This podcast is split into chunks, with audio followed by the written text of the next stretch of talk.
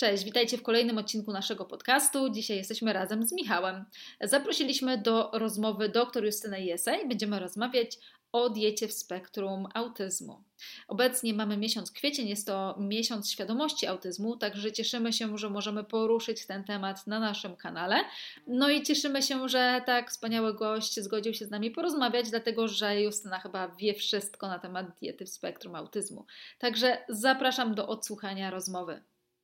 E, Justyna, jesteś dietetyczką. Ja kojarzę też e, Twoje nazwisko mhm. z wyników testów e, wodorowo-metanowych pacjentów, bo wiem, że też pracujesz z pacjentami z SIBO, bo właśnie mam pacjentów z tymi wynikami od Ciebie. Mhm. No i też jesteś doktor nauk medycznych. W ramach doktoratu sprawdziłam, że badałaś bezpieczeństwo stosowania diet eliminacyjnych u dzieci z autyzmem. Czy chciałabyś coś dodać jeszcze o sobie, czego nie powiedziałam? Tak, wszystko się zgadza. Dzień dobry, cześć. Bardzo się cieszę, że możemy sobie dzisiaj porozmawiać. E, tak, zajmuję się na co dzień e, głównie SIBO teraz, ale faktycznie swoją drogę taką zawodową i naukową zaczynałam od tematu spektrum autyzmu i diety i, i, i z tego tematu robiłam właśnie doktorat. Właśnie, zapytamy się e, Ciebie, jak to się stało, że zaczęłaś pracować z dziećmi z autyzmem, jak to się stało, że się zainteresowałaś tym tematem, ale e, najpierw może wyjaśnijmy sobie w ogóle, czym jest autyzm e, i czym nie jest od początku, dlatego że jest bardzo dużo mitów e, w internecie na ten temat. Rodzice słyszą diagnozę u dziecka i przerażeni szukają, szukają jakichś diet, sposobów leczenia autyzmu, także może rozwiejmy tą wątpliwość, czym jest autyzm, a czym nie jest. Tak, to jest bardzo dobre pytanie. E, autyzm nie jest chorobą. Nie jest chorobą, więc nie leczymy autyzmu. E, wspomagamy, wspieramy, wprowadzamy terapię różnego rodzaju, ale nie leczymy w rozumieniu, że można e, jak wyleczyć, nie wiem, chorobę, jakąś infekcję, tak można wyleczyć autyzm, pomimo że są takie mity i wiele osób propaguje taki, takie podejście, również w cudzysłowie specjalistów. Natomiast e, no, jest to nieprawda. Autyzm jest całościowym zaburzeniem rozwojowym, e, e, neurorozwojowym. Teraz mówi się już nawet, że jest to taki jakby odmienny wzorzec neurorozwojowy bardziej niż zaburzenie. Mm, osoby z autyzmem czy osoby w spektrum autyzmu mają bardzo często problemy z mową, mają często problemy z interakcjami społecznymi, a także z wyobraźnią, taką abstrakcyjną, z wyobrażaniem sobie jakichś abstrakcyjnych pojęć. Na przykład bardzo często rozumieją świat dosłownie, nie rozumieją metafor, żartów, trochę takich kontekstów społecznych, więc mają pewne trudności w funkcjonowaniu. I to jest to, co tak głównie charakteryzuje tę osobę, oczywiście z tym wiąże się dużo innych różnych kwestii jeszcze. A powiedz, jak się um, zainteresowałaś autyzmem i jak to się stało, że zaczęłaś e, pracować z dziećmi autystycznymi i z dietami eliminacyjnymi u dzieci? No i w końcu też e, napisałaś książkę. E, zaczęło się jeszcze na studiach. W trakcie studiów pracowałam sobie w takim oddziale Fundacji Synapsis, która się nazywa Pracownia Rzeczy Różnych. I tam e, to jest taki oddział dla osób dorosłych z autyzmem, e, którzy tam pracują, tworzą różne rzeczy, na przykład ceramiczne, sprzedają, e, więc jakby na co dzień spędzają tam czas i tam pracowała grupa terapeutów, psychologów głównie, i ja tam się zatrudniłam w charakterze trochę obok mojego przyszłego zawodu, bo jeszcze byłam studentką dietetyki. E, zatrudniłam się jako trener zajęć kulinarnych. I tam się uczyliśmy, znaczy ja uczyłam ich, albo oni mnie też trochę gotować.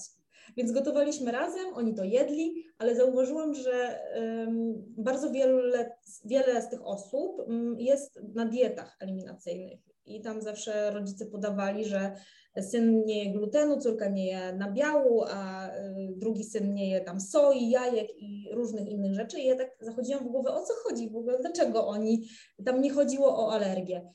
I tak sobie myślałam, przecież y, no, nie uczą mnie tego na studiach, że tam trzeba coś eliminować, a oni to eliminują i to właśnie duży odsetek tych osób właśnie wykluczał różne rzeczy. Więc zaczęłam to, y, ten temat zgłębiać. Tam rodzice podawali mi, że, że, że te, te ich dzieci dorosłe już jakoś lepiej funkcjonują, gdy pewne rzeczy się wyklucza, gdy się bardzo zwraca uwagę na tą dietę. I ja sobie zaczęłam to jakby czytać, zgłębiać literaturowo, tam były takie jakieś niekonsekwencje dla mnie w tej literaturze naukowej i pomyślałam sobie, no dobra, no to ja muszę to trochę pobadać sama, więc znalazłam sobie promotora yy, w Instytucie Matki i Dziecka i tam zaczęliśmy ten temat yy, badać, projektować badanie naukowe, ale już stricte właśnie na dzieciach, bo to była taka najłatwiej dostępna grupa yy, badana. A powiesz jeszcze może e, bliżej, na czym polegało to badanie? Jak wyglądały te diety eliminacyjne e, w Twoim badaniu?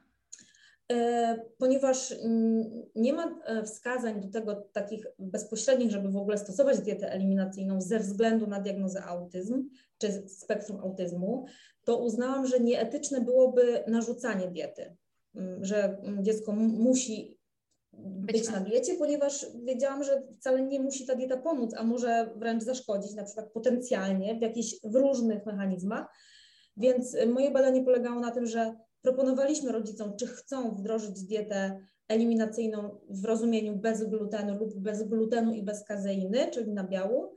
E, I wielu rodziców chciało tak samych z siebie, pomimo że my informowaliśmy, że nie ma takich wskazań, po prostu my badamy bezpieczeństwo stosowania Czyli czy jeżeli dziecko przejdzie na taką dietę, czy nie zaburza się jego rozwój antropometryczny, e, stan odżywienia, mm, więc badaliśmy parametry z krwi, ocenialiśmy takie całościowe funkcjonowanie mm, fizyczne i e, porównywaliśmy ten rozwój do dzieci, które były na dietach, znaczy które zostały na diecie zwykłej, tak, które nie wprowadzały diety żadnej.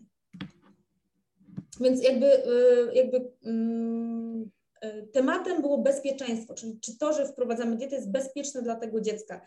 Tam nie było badania pod tytułem, czy to dziecko się leczy z autyzmu, albo czy poprawia się, zmniejszają się cechy autyzmu.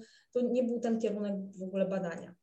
I na podstawie tej literatury i ogólnie e, te, tego przeglądu badań, e, który zgłębiłaś i podczas swojej pracy doktorskiej, i podczas pracy z rodzicami, napisałaś książkę Dieta i Autyzm i dieta, tak? Tak, e, autyzm i dieta, co jako rodzic powinieneś mhm. wiedzieć, tak się dokładnie nazywa. E, to było takie trochę zwieńczenie tego doktoratu, bo jakby w jego toku zobaczyłam, że jest bardzo dużo takich mitów i rodzice bardzo często łapią się różnych mm, terapii, suplementacji, e, no próbują jak mogą temu dziecku pomóc, ale często to są takie właśnie mm, terapie nie do końca bezpieczne nawet. A opowiesz coś więcej o tych terapiach, to znaczy e, skąd rodzice to biorą? Zapewne z, zapewne z internetu i, e, no i od po prostu e, osób, znaczy od znajomych, od osób, które też się tymi tematami interesują. Jakie są takie najczęstsze mity na temat suplementów i, i diety w autyzmie? No właśnie, niestety w internecie jest mnóstwo takich e, stron, które um, ukierunkowują rodziców niekoniecznie na te tory, na które powinny, powinni się e, kierunkować. Jest coś takiego jak biomedyczne leczenie autyzmu. To są takie różnego rodzaju terapie, które e, obiecują, że na przykład jeżeli będziemy mm, oczyszczać w cudzysłowie dziecko z metali ciężkich, na przykład za pomocą jakichś helatów, E, czy jakichś suplementów, e, gdzieś tam najczęściej sprowadzanych ze Stanów Zjednoczonych, no bo przecież e, nie z Polski, to musi być z daleka, to wtedy na pewno będzie działać. A w tym, jak... na tych stronach też jest, oni też tak jakby obiecują rodzicom, że da się wyleczyć autyzm, rozumiem, tak? Tak, bardzo często tak jest. E, no i, no i rodzice się tego chwytają. E, diety są jeszcze kolejnym obszarem poza suplementami. E, I trochę to jest takie mm, przekazywanie sobie też wzajemnie informacji, których, które sobie gdzieś tam wyczytaliśmy. No i to nie do końca jest zgodne z prawdą i to nie do końca jest skuteczne, często jest wręcz niebezpieczne.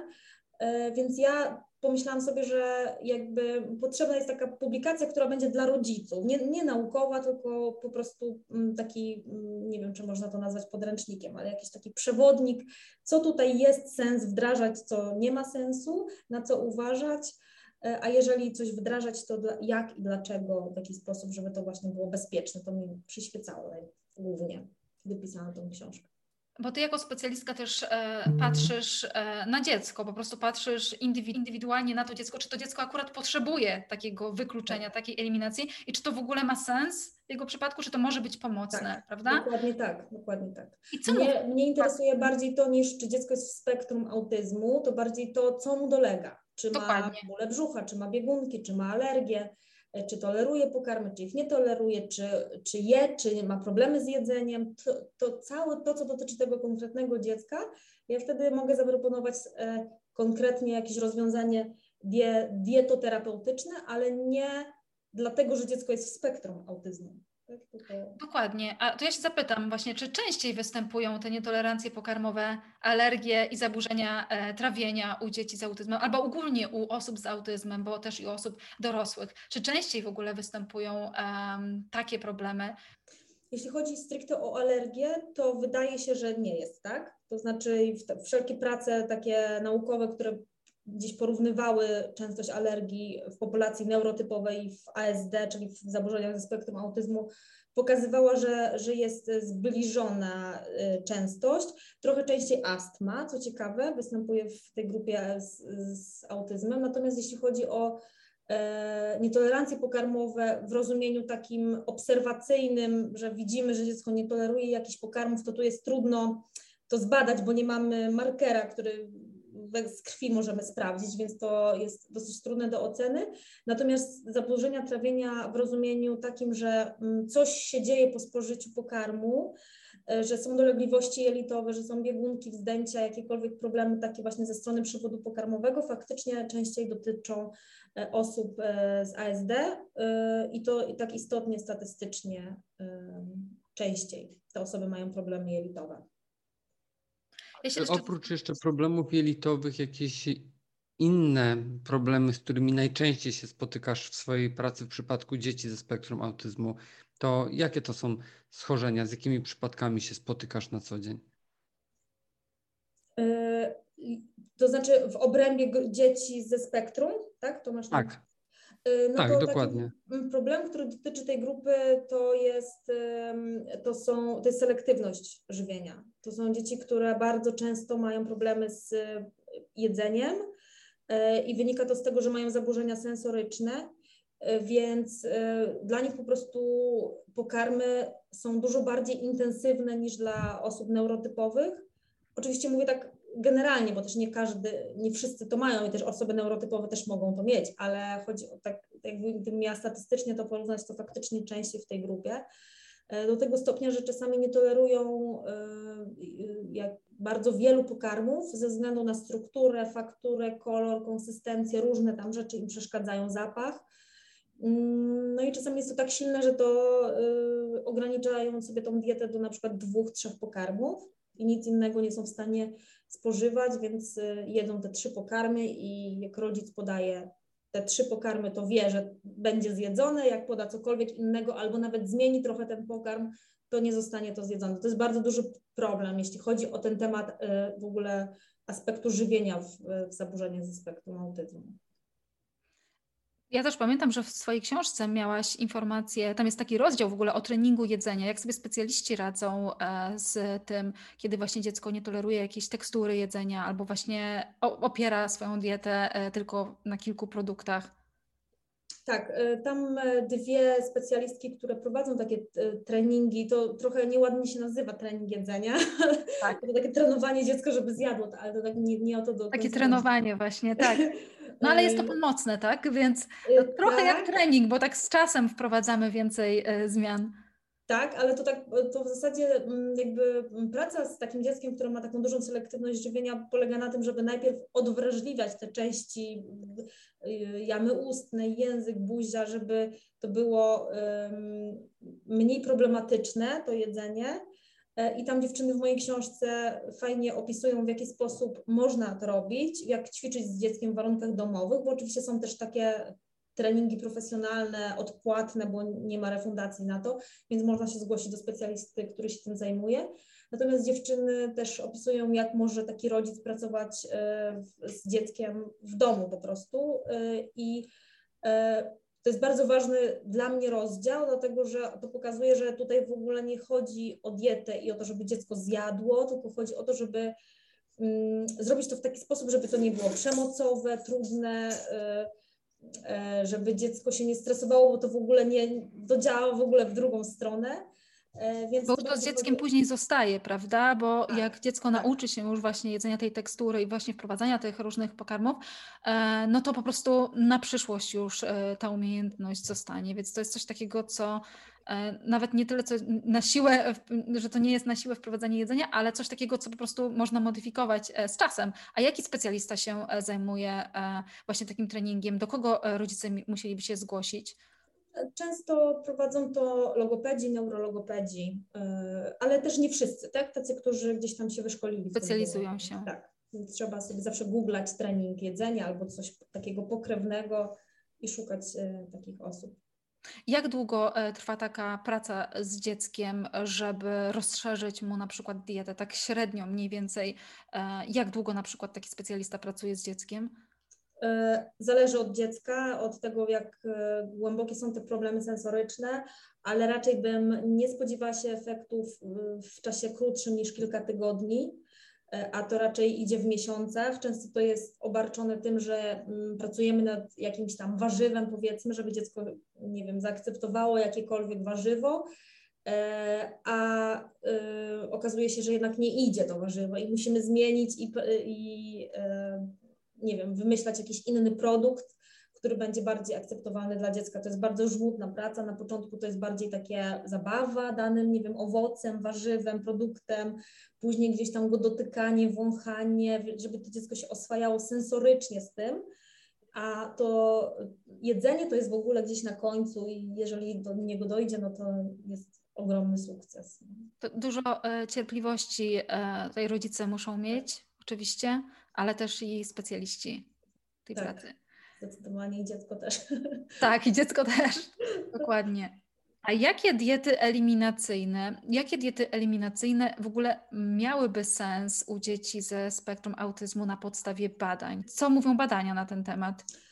Mm, badania są niestety niezbyt duże i niezbyt dobre w, w tej kwestii. Mało jest badań takich randomizowanych, czyli z losowym przydziałem do grupy.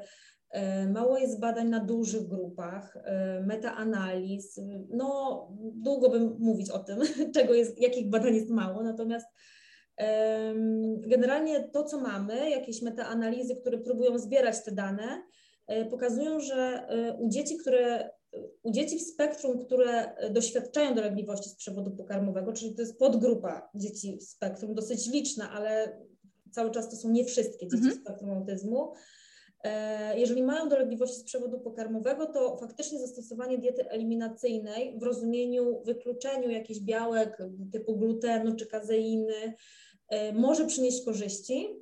W takim znaczeniu, że faktycznie, mm, no tam różne rzeczy oceniano, ale na przykład zmniejszają się dolegliwości z przewodu pokarmowego, przez co dziecko jest spokojniejsze, lepiej śpi, jest mniej zachowań agresywnych, autoagresywnych itd., tak itd.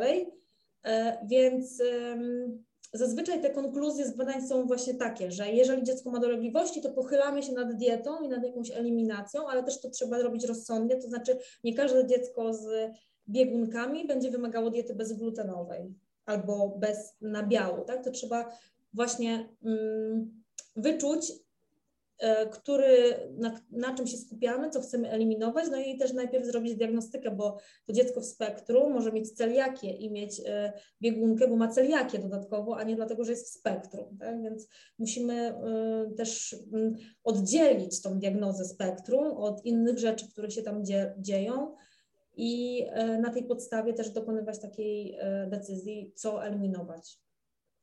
Czyli po prostu indywidualne, dogłębne zbadanie każdego przypadku. No tak, oczywiście. E, na temat diety bezglutenowej jest też bardzo dużo właśnie informacji w internecie i rodzice, tak jak mówiłaś wcześniej, że wprowadzają tę dietę. E, jest w ogóle taka dieta 3 bez, tak? Że tak. rodzice wprowadzają te, te diety. E, a o co w ogóle chodzi z tym glutenem i autyzmem? Skąd się wzięło to? Dlaczego rodzice zaczęli wprowadzać? Skąd te informacje w internecie się wzięły na ten temat? E, to się zaczęło od jakiegoś badania wiele, wiele lat temu, dziesiąt, gdzie tam jakiś autor zaobserwował, że jest poprawa, jeżeli się eliminuje gluten. E, I to tak trochę poszło, już później pojawiła się teoria opioidowa, e, która mówiła o tym, że u dzieci z, z ASD występuje nadmierna przepuszczalność bariery jelitowej i wtedy te niektóre białka przechodzą nie w pełni strawione do krwiobiegu. I na przykład gluten czy kazeina mają swoją strukturę podobną do niektórych tam narkotyków opioidowych i oddziałują na mózg tak jak narkotyki. Przez to jak się wyeliminuje ten gluten czy kazeinę, no to lepsze jest funkcjonowanie i dzieci w ogóle tak jakby zmniejsza im się te objawy spektrum, tak, są mniej nasilone. E, natomiast od tej teorii się trochę odeszło już, ona cały czas jest w sferze właśnie teorii, nikt tego nie udowodnił pomimo prób i raczej się od tego odchodzi um, i uznaje, że to nie jest ten trop. E, jest sporo badań gdzieś tam, które pokazują, że faktycznie coś się dzieje na poziomie mikrobioty jelitowej, jest gorsza w cudzysłowie, jeśli mogę tak powiedzieć, niż u osób neurotypowych. Tylko też znowu to też nie jest specyficzne dla autyzmu, bo w wielu chorobach, jak oceniamy w otyłości, w, w stwardnieniu rozsianym, w schizofrenii, w depresji, w różnych wielu schorzeniach cukrzycy, y, mikrobiota jest y, jakby gorsza, tak? I to nie świadczy o tym, że to jest w ogóle jakieś podłoże autyzmu. Są takie prace, które mówią, że właśnie SIBO też może, już trochę wspomniane na początku, też może dotyczy z tej grupy dzieci. Faktycznie mm, też to obserwuję. E, są prace e, duże i dobre, które mówią, że jest bardziej nasilony stan zapalny w jelitach, więc ja myślę, że w takich mechanizmach leczenia tych właśnie problemów, o których teraz powiedziałam, modyfikacja dietetyczna może pomagać, więc w takich mechanizmach niż, bardziej niż w, jeśli chodzi o tą teorię opioidową, którą bym już trochę zepchnęła do lamusa. E, czyli e, z tą mikrobiotą jelitową, bo to też miało być właśnie e, nasze kolejne pytanie. Bo o tej mikrobiocie jelitowej też dużo możemy przeczytać w internecie. W zasadzie o, o mikrobiocie bardzo dużo się teraz pisze i czyta, natomiast na temat autyzmu, no czytałam ostatnio też Twój artykuł na blogu Damiana Parola, ale też się zastanawiam, na ile ta mikrobiota jelitowa e, może mieć jakieś tam podłoże z tymi problemami jelitowymi u dzieci? Czy, czy nie jest tak, że na przykład te diety niedoborowe i eliminacyjne mają wpływ na mikrobiotę? Że no mikrobiota... właśnie, co było pierwsze, nie? Jajko czy kura? Tak, dokładnie. właśnie tak. E, teraz pojawiła się taka praca niedawno, która właśnie pokazywała, że mm, no bardziej to, że dzieci mają selektywność żywienia i ubogą dietę i mało błonnika pokarmowego, y, czyli Mm, składnika, który jest potrzebny do wzrostu tych szczepów probiotycznych, że to przyczynia się do tej dysbiozy jelitowej, zaburzeń mikrobioty bardziej niż y, to, że jest mikrobiota przyczynia się do autyzmu. Tak? I co prawda pewnie są jakieś szczepy, które są bardziej powiedzmy w cudzysłowie toksyczne, bardziej może wydzielają jakieś neurotoksyczne powiedzmy metabolity i tak dalej. Może i jakby przyjmuję taką wersję, że może tak być, że, że tylko że mm, jeszcze tego do końca nie wiemy tak naprawdę i ten temat jest taki śliski jeszcze, jeśli chodzi o takie wnioskowanie, ale tak, myślę, że duży udział ma w tym po prostu kiepska dieta, tak samo jak w innych chorobach. No jeżeli ktoś ma depresję, no to też ma kiepską dietę i też y, rozwija mm, dysbiozę prawdopodobnie w takim mechanizmie niż odwrotnie, że to się że ta mikrobiota przyczyniła się do depresji. Więc musimy to rozróżniać. Właśnie mm, e, to wnioskowanie z badań, y, jeśli się przeczyta no wow, to jest, robi wrażenie, że dzieci z autyzmem mają gorszą mikrobiotę jelitową niż osoby neurotypowe, no to na pewno to w ogóle... Dajmy im probiotyki. Tak, i autyzm, autyzm siedzi w jelitach, nie wiadomo, no bo to jest prosty wniosek. No nie do końca tak jest. Trzeba właśnie umieć jeszcze interpretować te badania i rozumieć to, co tam wychodzi. No bo właśnie, jak my wiemy, że coś tam może być z tą mikrobiotą jelitową i tak patrzymy na indywidualną jednostkę, na, na dziecko, na to, jakie ma problemy, dobieramy mu dietę. Jak rodzice mieliby e, zauważyć, że coś jest nie tak, z czym mieliby się ogólnie zgłosić? E, rodzice, mam wrażenie, są bardzo czujni na, na te kwestie i są dobrymi obserwatorami i, i, i często sami widzą, że po jakimś produkcie jest jakiś problem, i to nasuwa e, możliwości diagnostyczne. To znaczy, jeżeli rodzic mówi, że absolutnie po, po jedzeniu produktów pszennych, mącznych i tak dalej, coś się dzieje jelitowo, są biegunki, no to uważam, że powinniśmy wykonać diagnostykę w kierunku na przykład celiaki, żeby zobaczyć, czy to nie jest właśnie tak, taki prosty mechanizm, prosty, no, właśnie. w takim rozumieniu, że to konkretnie gluten i jego trzeba wtedy eliminować, jeżeli faktycznie ta celiakia zostanie E, potwierdzona. E, jest bardzo wielu rodziców, którzy próbowali na przykład eliminować gluten, no bo gdzieś tam usłyszeli i była na to moda, e, a później to już tak trochę zostało i to, to dziecko jest na tej diecie bezglutenowej 8 lat, ale gdy zje trochę tego glutenu, to nic się nie, nie dzieje w zasadzie. No to moje pytanie jest, no to po co trzymać tą dietę w takim razie, skoro kompletnie nie ma żadnej różnicy, jeżeli dziecko zaczyna jeść ten gluten, tym bardziej, że są badania, które mówią, że dieta bezglutenowa może też nasilać tą dysbiozę przez to, że też jest, e, no, chociażby inulina czy tam pszenica jest też e, prebiotykiem dla, tak. czyli pożywką dla, dla bakterii korzystnych. Więc no ja wyznaję filozofię, że wykluczamy to, co trzeba i na tak długo, jak trzeba. Jeśli jest celiakia, to trzeba na całe życie i bezwzględnie, ale jeżeli to jest jakieś przejściowe, może być jakaś przejściowa nietolerancja, no to wtedy nie ma e, potrzeby, żeby to dziecko męczyć. Szczególnie, że to się wiąże też z takim obciążeniem psychicznym, według mnie. Obciążeniem psychicznym i właśnie te, e, to eliminowanie produktów, kiedy i tak dziecko ma wybiórczość pokarmową, tak? Więc tak. i tak wybiera sobie niektóre produkty, więc eliminowanie wtedy jeszcze glutenu no, jest dodatkowym problemem i dla dziecka, i dla rodziców. No właśnie, ja tam I chyba nawet pisałam w tym artykule, że jak dziecko je bułkę i, i parówkę, a my chcemy eliminować gluten, czyli bułkę, a często tą parówkę też trzeba, bo może być gluten w parówce. A, no po prostu głodzimy dziecko, ale jest na diecie bez glutenu, no i super. Rozsądnie. Znaczy chyba rodzice po prostu no, szukają jakiegoś sposobu, żeby pomóc swojemu dziecku. Nie zawsze, no niestety, wybierają najlepszy sposób, ale no, ja wierzę, że robią to w dobrej wierze, tylko chcielibyśmy właśnie takiemu podcastowi jak dzisiaj, aby właśnie trafiali do takich osób jak ty, żeby trafiali na e, forum, gdzie wypowiadają się prawdziwi specjaliści, przekazują prawdziwą naukową wiedzę, dlatego że może właśnie oszczędzą sobie niektórych kroków i, i niepowodzeń, prawda? No tak by było najlepiej, żeby to zanim wdrożymy jakąś interwencję, która jest ciężka i dla rodzica, i dla dziecka, i dla otoczenia, bo to trzeba jeszcze dziadkom wytłumaczyć, i szkole wytłumaczyć, i wszystkim innym. Um, zanim to zrobimy, żeby to przemyśleć i faktycznie, żeby to zrobić, gdy naprawdę jest taka konieczność i gdy naprawdę możemy dziecku w ten sposób pomóc, no bo wtedy to jest oczywiście bezwzględne wskazanie, jeśli taka interwencja ma pomóc, ale jeśli nie, no to za duże koszta chyba są często. Jak wpiszę w Google, jakie badania wykona, wykonać e, u dzieci w przypadku autyzmu, wyskakują przeróżne informacje. Na przykład taka, że koniecznie wykonaj dziecku e, z autyzmem badanie w kierunku e, biorezonansu, na przykład obciążeń pasożytami, wirusami, grzybami, metalami ciężkimi czy jakimiś alergiami.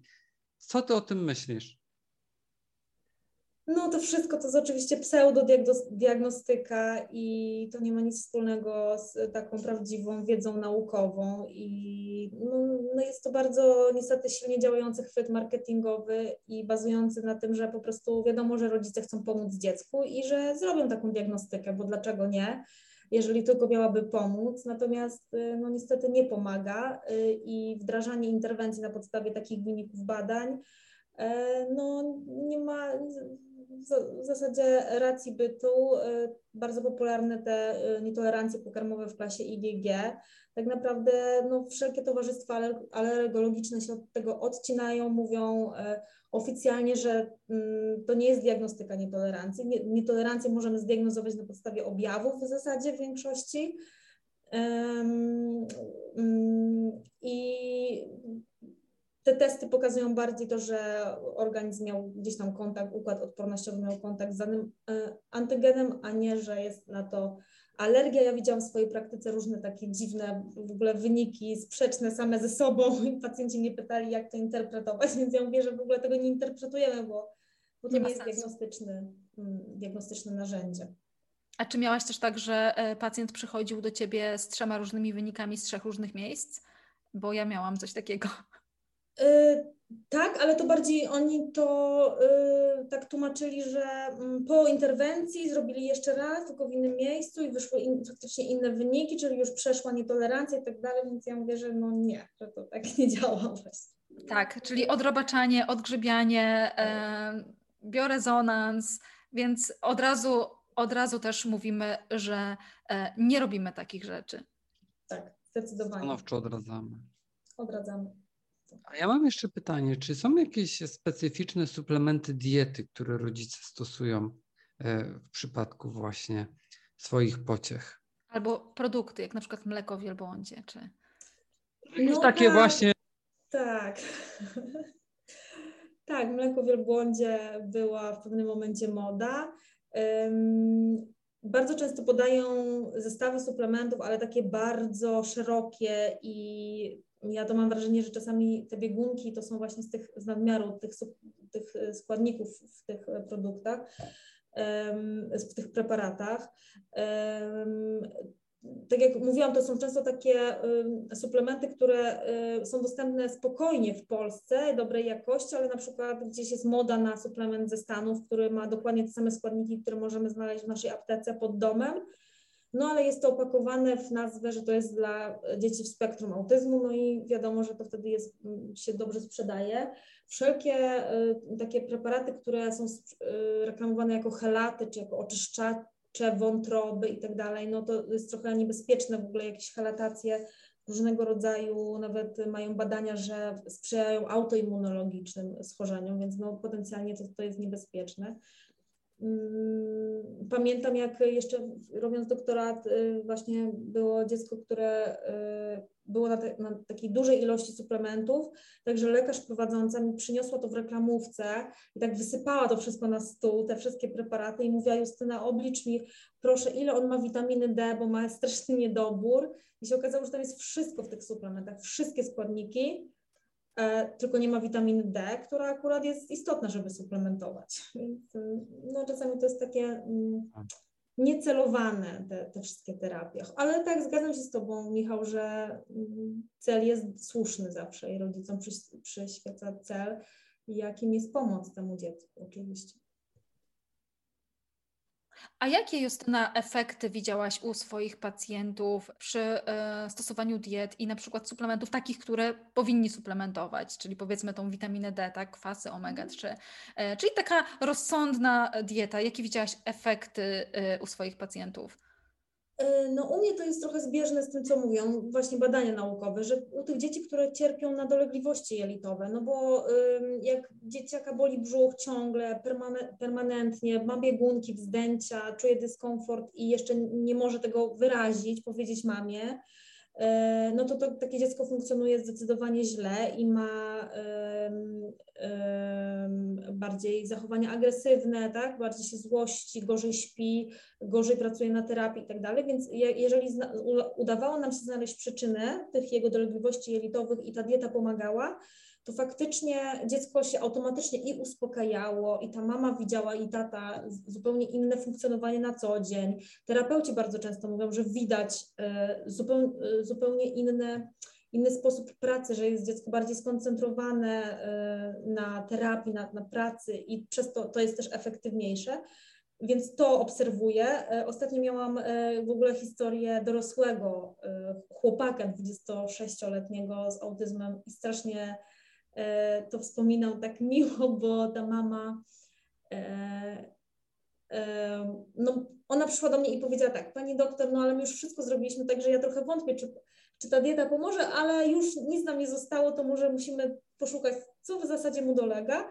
No i właśnie to chłopak miał SIBO i został przeleczony na to SIBO i wdrożyliśmy dietę nisko fermentującą, czyli tu nie gluten, nie kazeina, tylko w ogóle nisko fermentujące E, dieta i no i zupełnie inne funkcjonowanie tego chłopaka i no, mówi, że kurczę, w końcu może po tych 26 latach odpocząć.